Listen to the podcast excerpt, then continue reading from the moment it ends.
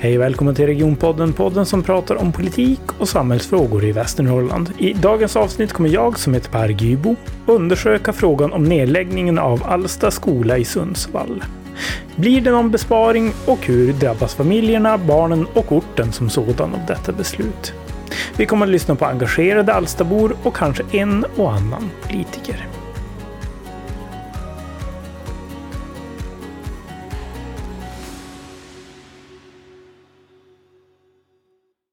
Vi kontrollerat härifrån presidiet och det är tot, eh, totalt är det 80 stycken ledamöter som har röstat och det är 34 stycken som har röstat nej på avslag och det är 46 stycken som har röstat ja enligt kommunstyrelsen. Det betyder att fullmäktige har beslutat i enlighet med kommunstyrelsens förslag. Det vi hörde där var Sundsvalls kommunfullmäktiges ordförande, socialdemokraten Anjan Sundman, som konstaterade att omröstningen för eller emot nedläggningen av Alsta skola gav resultatet. Att den politiska majoriteten bestående av Socialdemokrater, Vänsterpartiet och Centerpartiet beslutade att skolan i Alsta, Sundsvall, nu ska läggas ner. Argumentationen för en nedläggning bygger på att majoriteten anser att det genom detta sparar 5 miljoner kronor per år samtidigt som det enligt underlaget till beslut slipper investera 15 till 20 miljoner i byggnaden.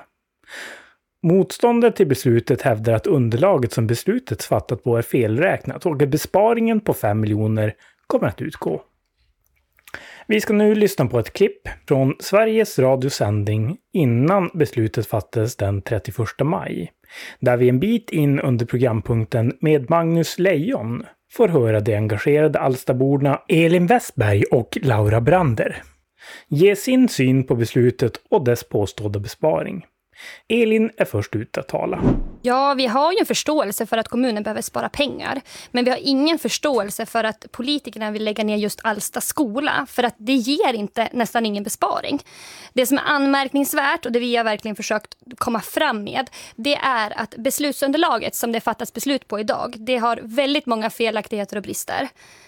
Och Det har vi påpekat ett flertal gånger. Det är jätteviktigt att ett sånt här stort beslut verkligen har en väl underbyggd analys och korrekta underlag. Och det har det tyvärr inte. Mm. Har ni fått någon respons på era tyckanden? Ja, vi har ju fått respons att det är felaktiga underlag. Eh, och det är det som känns så himla tråkigt. Att politikerna får inte vara obekväma med att återremittera föreslagna beslut från nämnden med hänvisning till att ärenden redan har kommit så pass långt i processen som det har gjort. Mm. Det är viktigt att det fattas på rätt saker.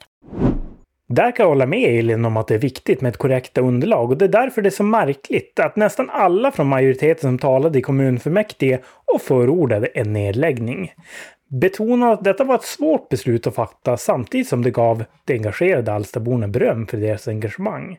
Så fortsatte det att hävda saker som stod i underlaget som var felaktigt.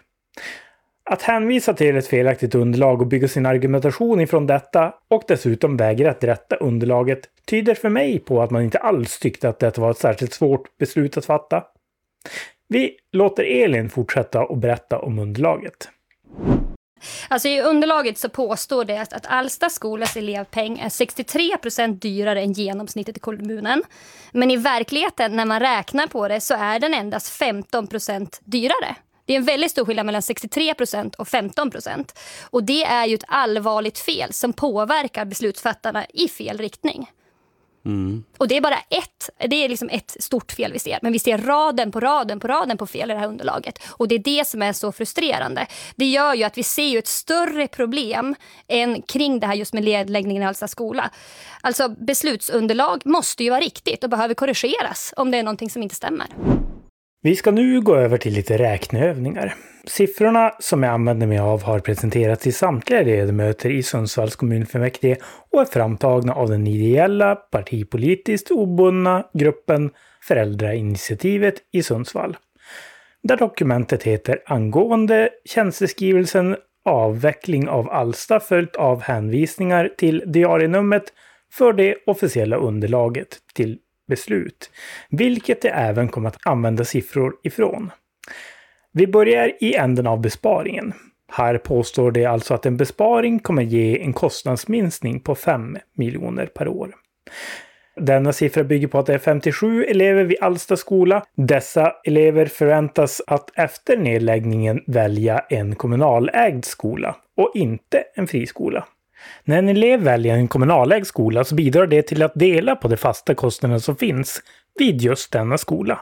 Man fyller med andra ord upp sina tomma platser genom att skapa större klasser och därigenom en besparing. Elin berättar att underlaget räknat på att en elev vid Alsta skola kostar i snitt 63 procent mer än kommunsnittet. Hon berättar även att denna siffra är fel och skillnaden bara är 15 procent dyrare. Anledningen till att Alsters skolor just nu är 15% dyrare förklaras också i underlaget från föräldrainitiativet. Redan nästa år kommer elevantalet ha ökat så pass att det når kommunens genomsnittskostnad och därigenom kommer vara 0% dyrare än övriga skolor i kostnad per elev. Anledningen till felräkningen kommer sannolikt av att man delat antalet elever med Alstas totala budget på 7 miljoner. Problemet med denna jämförelse är att totalsumman i budget även omfattar fritidsverksamheten varvid jämförelsen inte blir rättvis eftersom beloppet det får fram, 122 000, ställs emot genomsnittskostnaden på 75 000 per elev minus fritidskostnaderna. Det jämför alltså äpplen och potatisar. Men samtidigt går det inte att komma runt att även fritidsverksamheten skulle behöva flyttas till andra skolor vid en nedläggning så där är siffran 122 000 en relevant siffra. Men inte i syfte att visa att Alsta skola är avsevärt dyrare per elev. Årsbudgeten för Alsta skola är som sagt 7 miljoner, varav 5,2 miljoner består av kostnader för lärartjänster. Att den totala besparingen inte räknas till 7 miljoner kommer ifrån att det räknat med att vid en överflytt av 57 elever till en annan kommunal skola så skulle det behövas en förstärkning av lärartjänster vid den skolan som det flyttas till med 2 miljoner. 7 minus 2 ger oss alltså siffran 5 miljoner. Underlaget tar alltså hänsyn till ett behov av fler lärare vid den kommunala skolan som alla elever förväntas flytta till. Men den tar inte upp någon ökad kostnad för lokaler, förbrukningsmaterial eller skolmaten. Föräldrainitiativet i Sundsvall beräknar att kostnaden för bara skolmaten kommer uppgå till minst 400 000. Och drar vi av detta på besparingen så är vi nere på 4,6 miljoner om alla barn skulle gå till kommunala skolor. Men vad händer då om inga barn skulle gå till kommunala skolor, utan att alla istället skulle gå till privatägda skolor. Hur sannolikt är detta scenario? Vi hör Laura Brander från Sveriges Radios sändning om vart eleverna kommer ta vägen. Kommer de välja kommunala skolor eller kommer de välja friskolor? Eh, merparten kommer att gå till friskolor.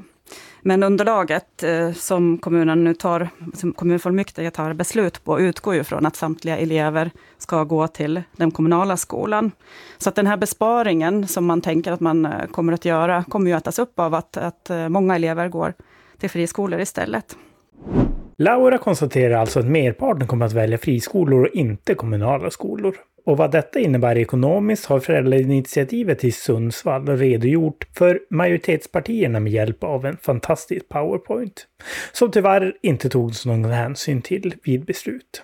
Den presentationen visar att om 50% av de 57 eleverna går till friskola så blir besparingen endast 3 miljoner.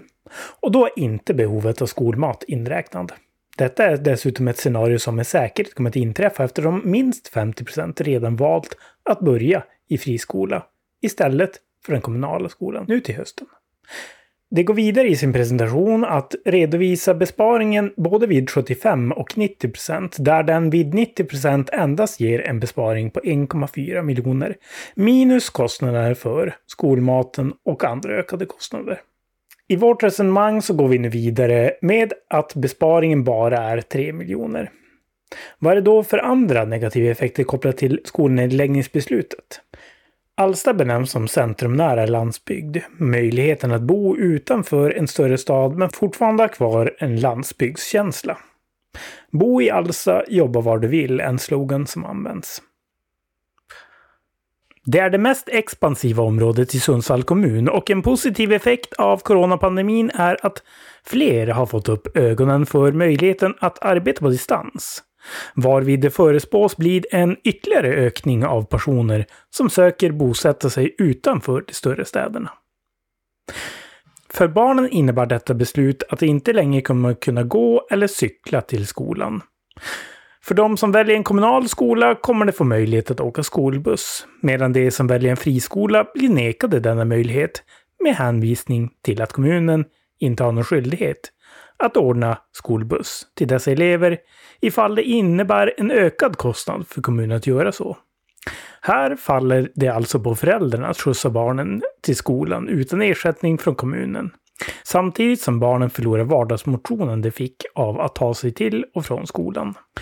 Den mest populära friskolan ligger nära den kommunala skolan och tidigare år har elever vid just denna friskola haft möjlighet att åka skolbuss eftersom det funnits plats för dem i en eh, normalstor buss. Nu efter nedläggningen av Vallsta skola så finns det alltså inte plats för dessa elever i en buss, varvid kommunen skulle behöva lägga in en till buss för att klara skolskjutsen av barnen från Alstaområdet.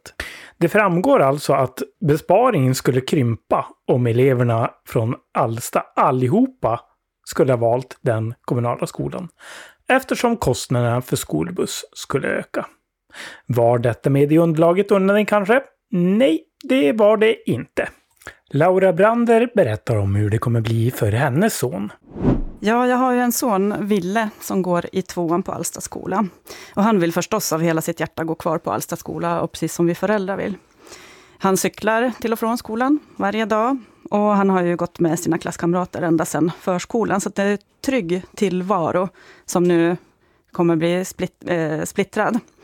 Eh, och klassen kommer ju också splittas. Flertalet går till olika Alltså man kommer gå till olika skolor, både till friskolor, kanske några mm, stycken som kommer gå till den kommunala Sankt Olofsskolan. Men vi vet fortfarande inte var Ville kommer att hamna i höst.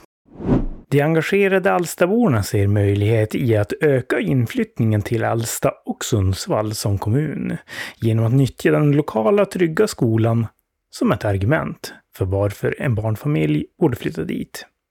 Socialdemokraterna, Vänsterpartiet och Centerpartiet ser inte denna möjlighet varpå de väljer nedläggning i syfte att spara pengar.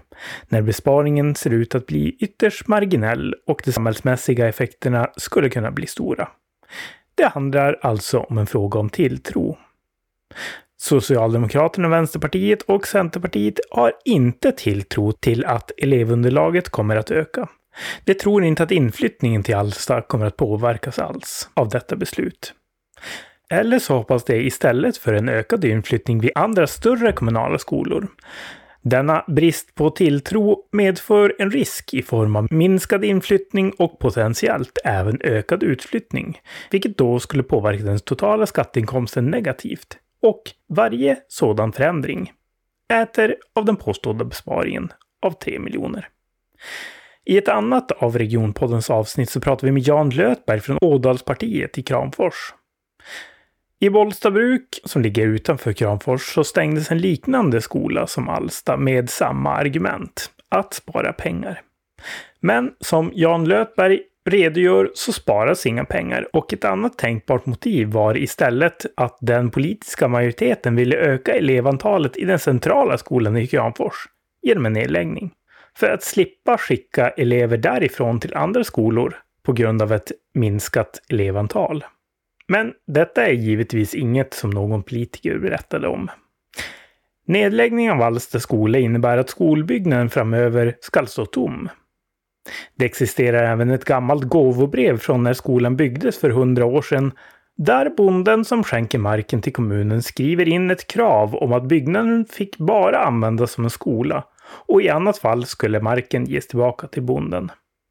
Är gåvobrevet fortfarande giltigt så tvingas med andra ord kommunen att ge tillbaka marken till bondens nu levande arvsberättigade släktingar genom nedläggningen av skolan. Skulle gåvobrevet inte vara aktuellt så står kommunen fortfarande med kostnaden för en tom byggnad. Många Alstabor hoppas säkert på möjligheten att hyra eller köpa loss skolbyggnaden med syfte att starta en friskola. På andra platser i länet där skolor lagts ner har kommunen vid försäljning av den gamla skolbyggnaden ställt kravet på köparen att de inte får köpa byggnaden i syfte att starta en friskola, eftersom det skulle innebära att deras nedläggningsbeslut rivs upp. I Västernorrlands län finns det idag fem lokala kommunala partier. Timråpartiet, Västerinitiativet i Sollefteå, Ådalspartiet i Kramfors, vår framtid Ånge och Sundsvallspartiet. Alla utom Sundsvallspartiet och Ådalspartiet finns representerade i kommunfullmäktige i sina egna kommuner. Och alla lokala partier saknar ett nationellt moderparti på riksdagsnivå. På regionnivå i Västernorrland så finns Sjukvårdspartiet Västernorrland och även om det finns fler Sjukvårdspartiet i andra regioner så delar det inte organisation annat än namnet. Gemensamt för alla lokala partier i Västernorrland är att alla har en inställning att kommuner och regioner måste prioritera kärnverksamheten först. Det vill säga den lagstadgade verksamheten som kommuner är ålagda att sköta. Till exempel vård, skola och omsorg. Vi ska nu lyssna på ett klipp ifrån kommunfullmäktigedebatten om Alsta skola i Sundsvall där socialdemokraten och ordförande för barn och utbildningsnämnden Lisa Tynemark pratar om att just prioritera. Därför är det också viktigt att de pengarna som vi i den här församlingen avsätter till barn och utbildningsnämnden, till barnens skolgång, används på ett bra sätt. Att det ger så mycket kunskap, lärande och utveckling som bara är möjligt för varenda krona och öre så lite som möjligt ska gå till annat. Här skulle man kunna bli lurad och uppfatta det som att Lisa också prioriterar kärnverksamheten främst. Men så är inte fallet. Detta beror på att hennes fokus för prioriteringar bara ligger på sin egen budget, det vill säga barn och utbildningsnämndens budget och inte hela Sundsvalls kommuns totala ekonomi. Det som de lokala partierna pratar om, skulle kunna innebära att barn och utbildningsnämnden inte behöver spara, eftersom det i en kommande budget skulle kunna få ett tillskott som tas från någon annan verksamhet som kommunen sysslar med som inte är lagstadgad kärnverksamhet. I Sundsvall så finns ett enormt sådant projekt i form av Logistikparken i Petersvik.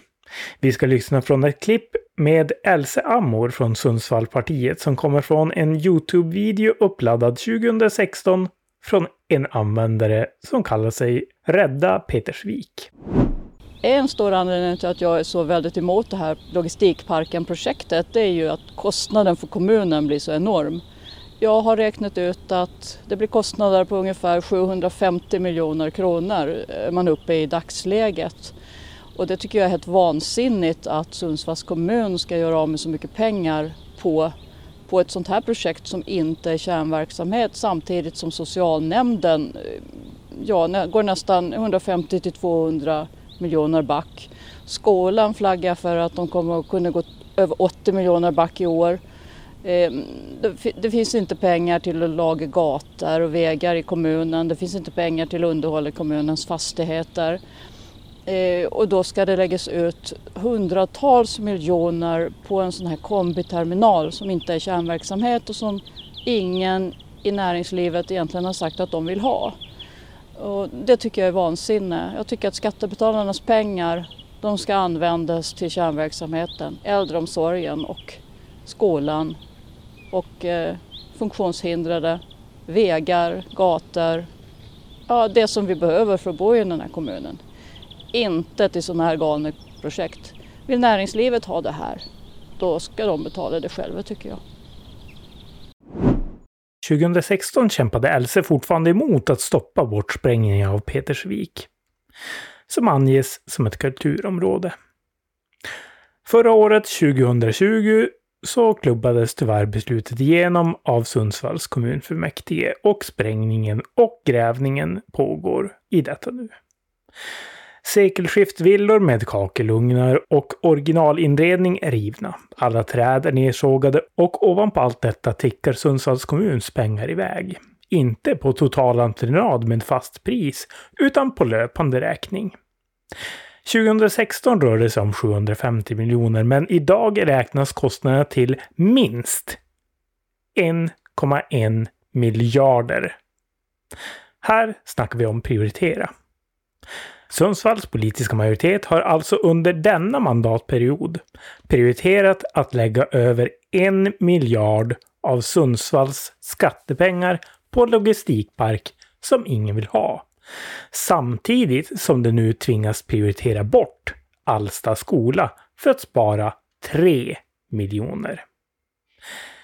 1,1 miljarder skulle räcka till att driva Alsta skola i över 150 år framåt. Men så ser man det inte inom politiken i Sundsvall.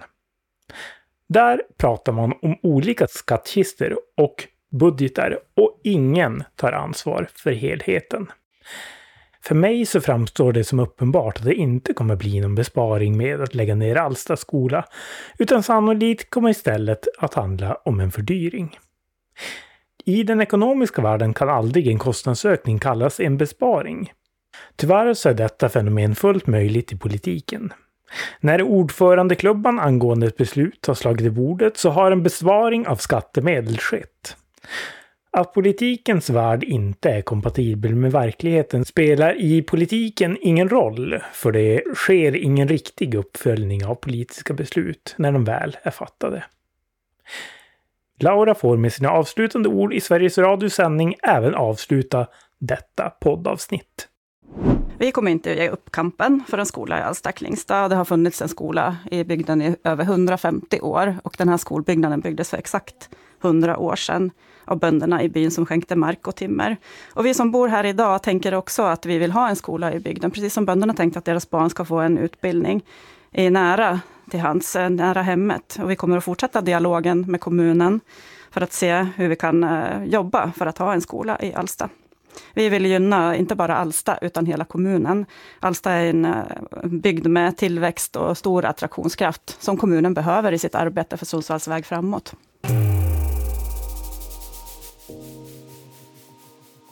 Fortsätt att kämpa för er skola. Ge inte upp. Jag som pratat heter Per Gybo och ni har lyssnat på Regionpodden. Glöm inte bort att prenumerera och gilla och dela våra inlägg på sociala medier. Tack för att ni lyssnat. Hej då!